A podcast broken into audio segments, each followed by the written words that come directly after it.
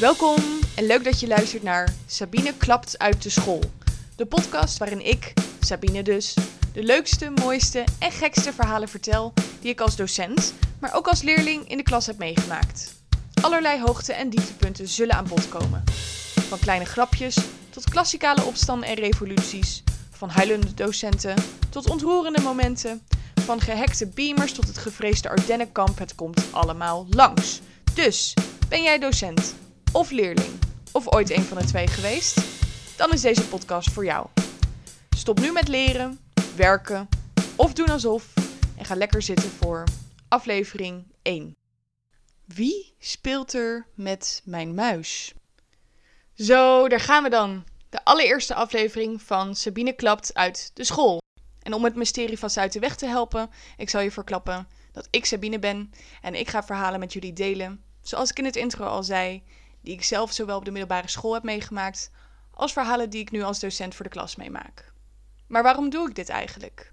Waarom zit ik hier op de slaapkamervloer en heb ik al die YouTube-tutorials bekeken over hoe je een podcast moet maken? En waarom moet jij hier naar luisteren? Nou, daar heb ik drie redenen voor. Eén, kort maar krachtig, deze verhalen zijn simpelweg te hilarisch om niet te delen. Twee, omdat ik denk dat iedereen zich wel in deze verhalen kan herkennen, en dan zowel in de plaats van de leerling als misschien ook wel die van de docent. En reden drie is voor mij meer persoonlijk. Ik ben pas net begonnen met mijn baan als leraar. En het leuke aan beginnend docent zijn is dat ik hetzelfde doe als op mijn stage, maar dan nu in ruil voor geld. Echt geld. En als beginnend docent zijn je motivatie, je energie en je rimpels nog niet in je schoenen gezakt. Oh ja, en natuurlijk dat je iets goeds kan betekenen voor de volgende generatie. Maar het nadeel is dat ik nog best wel zoekende ben. Zoekende naar hoe ik bepaalde situaties op een dag een plekje geef. Het kan gaan van situaties zoals meningsverschillen met leerlingen, tot lesplannen die helemaal in het water vallen, of leerlingen die je in de zijk proberen te nemen, fouten die je zelf soms maakt in de communicatie. Elke dag gebeurt er weer iets onvoorspelbaars waar je uit moet redden. En zeker als je dan tussen docenten rondloopt die zelf al minstens tien jaar door de gangen wandelen, is het soms best wel lastig ventileren en relativeren. Vandaar dat ik een nieuw publiek moest zoeken. En daar kom jij in beeld. Ik kan in alle rust mijn gekke verhalen uit de klas aan jou kwijt. En wie weet herken je jezelf wel in mijn verhalen? Of heb je advies voor me?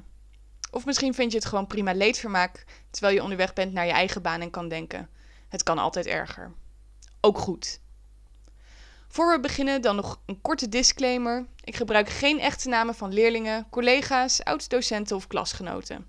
Het is mijn keuze deze verhalen te delen en ik respecteer de privacy van de mensen die de prachtige rollen hierin vervullen. Mocht je namen horen in deze podcast, dan zijn deze nep. Het eerste verhaal dat ik jullie ga vertellen kwam een paar weken geleden bovendrijven tijdens een van mijn lessen. Ik geef trouwens Engels. Volgens mij had ik dat nog niet benoemd. Door corona heb ik dit jaar al in elke mogelijke opstelling les gegeven. Dus heel wat ervaring erbij. Halve klassen, hele klassen, hybride lessen. Dat is tegelijk voor de klas en online. Geen grapje. Onze school heeft headsets gekocht om dat makkelijker te maken. Makkelijker. Naast mijn eigen kritische stemmetje nog 15 kids die tijdens de les in mijn hoofd erop loskakelen. Maar oké. Maar een paar weken geleden gaf ik les aan een groep die in verband met de anderhalve meter verdeeld over twee lokalen moest zitten. En dat betekende dat ik dus tussen die lokalen heen en weer moest rennen. En telkens als ik dan één groep eindelijk aan het werk had, dan begon die andere groep weer op te laaien. Echt, ik heb nog nooit zo hard gedweld met de kraan open. Maar goed, ik besloot in een van die lokalen een luistertoets te gaan oefenen. Daarvoor wilde ik mijn laptop op de beamer aansluiten. Dus ik klik de beamer aan, lampje gaat op groen, de beamer start op, je hoort hem blazen, beetje Windows 95. En dan gaat hij weer uit. Het lampje knippert rood, dus dan moet je even wachten. Geloof me, als je dan dingen aan gaat klikken, dan moet je alleen nog maar langer wachten. En dan gaat hij uit. Dus ik denk dat is gek. Maar ook wel weer niet zo gek, want er is al vaker wat met de beamers of het internet. En ik ben ook geen technisch wonder. Ik schaam me niet om dat toe te geven. Dus ik denk, rustig blijven. Ik probeer het gewoon nog een keer. Nou, lampje gaat weer op groen. hij blaast weer aan. Ik klik de leestoets aan. Nou, en weer hetzelfde gebeurt. Klas natuurlijk onrustig. Mijn hoofd even rood als dat eigenwijze knipperlampje van de beamer. Ik probeer de groep als een soort MC nog rustig te houden door, door ze wat tijdverdrijvende vragen te stellen. Maar bij mij slaat er toch wel een beetje paniek toe. Ik denk, ik moet het creatief oplossen. Think outside the box. Om maar even de Engelsdocenten uit te hangen. En toen ging er een lampje branden. Nou, niet dat van de beamer dus helaas, maar wel in mijn hoofd. Ik had nog een lokaal met leerlingen hiernaast en die waren met een andere opdracht bezig. En in dit lokaal werkte de beamer perfect. Ik had hem net nog gebruikt. Dus ik besloot de leerlingen van lokaal te laten wisselen. Ik deelde dit idee met de leerlingen en zij stonden al op om daarheen te lopen. Tot ik bedacht: corona! Als een soort luchtverkeersleider heb ik toen de leerlingen eerst uit het ene lokaal de andere gang opgeleid en dan de andere groep dat lokaal in, et cetera. Om de leerlingen en de aerosolen alsnog veilig om elkaar heen te laten bewegen. Gelukkig uh, had ik een blokuur de tijd. Nou, iedereen zat eindelijk weer op een plek. De groep in het lokaal met de kapotte beamer was weer gesust en aan het werk. En ik zette in het nieuwe lokaal de beamer aan.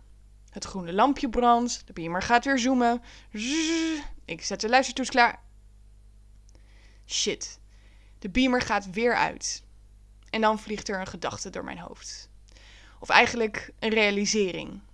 En deze realisering was net als in die horrorfilm waarin de hoofdpersoon denkt: The call is coming from inside the house. Toen wist ik namelijk: dit is niet de beamer. Het is een leerling.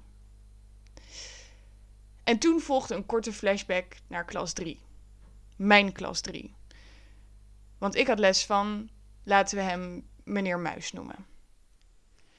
En meneer Muis had aan ons een lastige klas.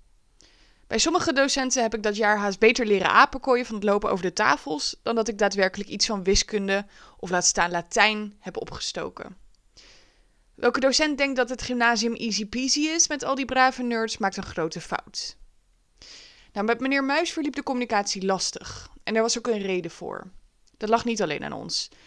Hij was Chinees, gaf Engels en sprak eigenlijk nauwelijks tot vrijwel geen Nederlands. Nou en wij, de leerlingen, wij waren dus juist Nederlands, spraken een beetje Engels. Maar ons Chinees was toch niet meer helemaal wat het, nou ja, nooit geweest was. En eigenlijk viel het op zich nog wel mee hoe rebels wij waren in zijn klas hoor. Misschien vonden we het ook ergens wel een beetje sneu. Want ja, klooien met een docent die niet dezelfde taal spreekt, dat is niet helemaal eerlijk. Het is een beetje tennissen met het net omlaag. Ja, en verder, ik kan me weinig herinneren echt uit zijn lessen, op een paar memorabele momenten na. En een van die momenten speelde zich af tijdens een les, die begon zoals elke andere niet bijzondere les op een niet bijzondere dag. Meneer Muis komt binnen en pakt zijn spulletjes uit. Wij pakken onze boeken. Dit alles tegen een flink luidruchtige achtergrond, waarbij sommige jongens de wedstrijd hadden het boek zo hard mogelijk op de tafel te smijten, om te laten zien wie de meeste weerzin had. Nou ja. Ondertussen pakt meneer Muis dus zijn boeken en hij start zijn beamer op. Ja, tien jaar geleden hadden we ook beamers. Maar die kon je dan nog niet koppelen met je laptop, tenminste niet bij ons op school. Ehm, die kon je alleen koppelen aan een koelkastcomputer die dan op en onder hè, het bureau stond. En nou ja, als de beamers van nu dus al een zoomend geluid maken. Nou ja, wanneer je toen de computer dus uh, opstartte, keek je dus eigenlijk eerst naar buiten om te zien of het geen voorbijvliegend vliegtuig was. Het duurde ook vijf minuten voordat hij echt was opgestart. Ja, die beamers hadden ook een speciaal soort schoolbordfunctie. Er zat een pennetje bij waarmee je dan op het scherm kon schrijven en tekenen. Dat had super handig moeten zijn. Alleen begon dat lijntje dan pas 4 centimeter naast waar je met het pennetje dan begon te tekenen. Waardoor het dan natuurlijk tien keer opnieuw moest en er niet uitzag. Ja, wij weer blij, want dat scheelde altijd weer een paar minuutjes lestijd. Maar goed, meneer Muis die had zijn boeken en uh, zijn computer, de beamer, het pennetje. En hij wilde dus een nieuw scherm aanklikken om te openen. Maar toen merkte hij dat hij iets kwijt was. De muis. Typisch wel, en vooral jammer voor meneer Muis, dat alle digitale tools ouderwets en langzaam waren, maar de muis wel draadloos was. En die was nu dus verdwenen. Hij overal zoeken, op zijn bureau kijken, onder zijn bureau kijken, op de kastjes, in de kastjes, onder de kastjes. Onvindbaar. Lang niet alle leerlingen zagen wat er aan de hand was, want iedereen was te druk met de buren en de roddels van de dag. Meneer Muis tikte een paar leerlingen vlak bij zijn bureau aan om te vragen: Have you seen my mouse? Have you seen my mouse? Uh, no, sir, no. Hij verder zoeken. Op een gegeven moment heeft de hele klas door dat meneer Muis druk aan het zoeken is. Dit is toch wel interessant. Dus het wordt doodstil. Of eigenlijk muisstil. Hier en daar klinkt wat gegrinnik. En dan is aan meneer Muis zijn blik eenzelfde, voor mij nu zo herkenbare realisatie af te lezen. Het is een leerling. De muis is gestolen. Maar dit is een lastige situatie. Je kan niet zomaar mensen vals beschuldigen. En je moet echt een death wish hebben om een hele groep pubers vals te gaan beschuldigen. Überhaupt pubers beschuldigen van iets waarvan ze weten dat ze het hebben gedaan en waarvan je keihard bewijs hebt dat ze het hebben gedaan, dat is al lastig. Het is eigenlijk alsof je les geeft aan een lokaal vol met baby Trumps. Dus moet je nagaan als je geen bewijs hebt, dan heb je nog een pittig jaartje voor de boeg met ze. Hoewel meneer Muis dit jaar nieuw was, had hij dit ook wel door en ging hij voor een, nou ja, een iets subtielere aanpak. Een stapvoets beende hij door het, het lokaal. Hij hield zijn lippen getuit en zonder zijn nek te draaien inspecteerde hij elk tafeltje nauwkeurig, waarbij zijn ogen van links naar rechts schoten. Af en toe, zonder waarschuwing, boog hij vliegensvlug en verrassend lenig naar de grond om onder de tafels te kijken, of we daar de muis niet verborgen hadden. Wij keken met grote ogen naar wat meneer Muis aan het doen was. Maar niet alleen naar hem. Zelf had ik en nog een ander groot deel van de klas ook geen idee wat er aan de hand was. Was de muis echt gestolen? En zo ja, door wie dan? Uiteindelijk vielen mijn ogen op een klasgenoot in de middelste rij. Laten we hem Tim noemen. Tim was een kleine jongen en hij was strategisch brutaal. Dat betekent dat hij niet veel zei. Pas na ieder, nadat iedereen uitgejoeld was en de docent iedereen stil had, kwam Tim nog even met een genadeklap van een opmerking op de proppen zetten. En daarna trok hij zich snel weer terug in het gejoel, wat daardoor dan weer opleefde. Tim was eigenlijk de handgranaat van klas 3. En het was nu ook Tim die de muis op zijn schoot had liggen en met een pokerface stiekem op het scherm nieuwe tabbladen probeerde te openen. Nog voor meneer Muis ter hoogte van Tim kwam, was hij het zat. Dus meneer Muis beende naar voren met een lichtrood hoofd en resoluut draaide hij zich om toen hij voor de klas stond en hij bulderde: Who is playing my mouse? Daarna zijn mijn herinneringen gewoon zwart. Ik kan je oprecht niet meer vertellen wat er met Tim, de muis of meneer Muis is gebeurd. Het enige wat met enige regelmaat nog door mijn gedachten galmt is: Who is playing my mouse? En nu ik voor de klas stond met mijn niet werkende beamer en een klas die mij aanstaarde, wachtend op en waarschijnlijk hopend dat ik rood zou aanlopen en door de klas zou rennen en onder de tafeltjes van leerlingen zou kijken of zij op de een of andere manier met de apparatuur aan het klooien waren. Terwijl ik daarmee bezig was, probeerde ik twee dingen tegelijk. Ten eerste, telepathisch mijn achterstallige excuses proberen te verzenden naar meneer Muis. En ten tweede probeerde ik te bedenken hoe ik dit op een andere manier kon oplossen. Nu was er in mijn klas niks gestolen, dus ik wist niet eens wat ik dan zou moeten zoeken. We hebben immers geen draadloze muis of afstandsbediening meer nodig met onze laptops. Wie weet hebben meneer Muis en andere docenten een protest gehouden of petitie getekend, waardoor de muis tegenwoordig gelukkig van tafel geschrapt is. Gelukkig kwam ik erachter dat ik het geluid van mijn laptop hard genoeg kon zetten om de luistertoets alsnog af te spelen zonder dat ik de beamer nodig had. Voor mij liep het dus gelukkig met een sisser af. Twee dagen later kwam ik erachter dat een jongen uit mijn klas inderdaad met een soort infrarood-app of instelling op zijn telefoon de beamers kon hacken. Hier kwam de wiskundedocent achter nadat deze jongen bij hem de instellingen op Japans gezet had. Als hij ze nou op Chinees gezet had, dan had meneer Muis hem nog uit de brand kunnen helpen. Maar helaas. Digitale tools in de klas. Fijn als het werkt, niet fijn als het niet werkt. Rampzalig als de leerling de digitale wereld beter snapt dan jij. Maar goed, dat zal altijd zo blijven.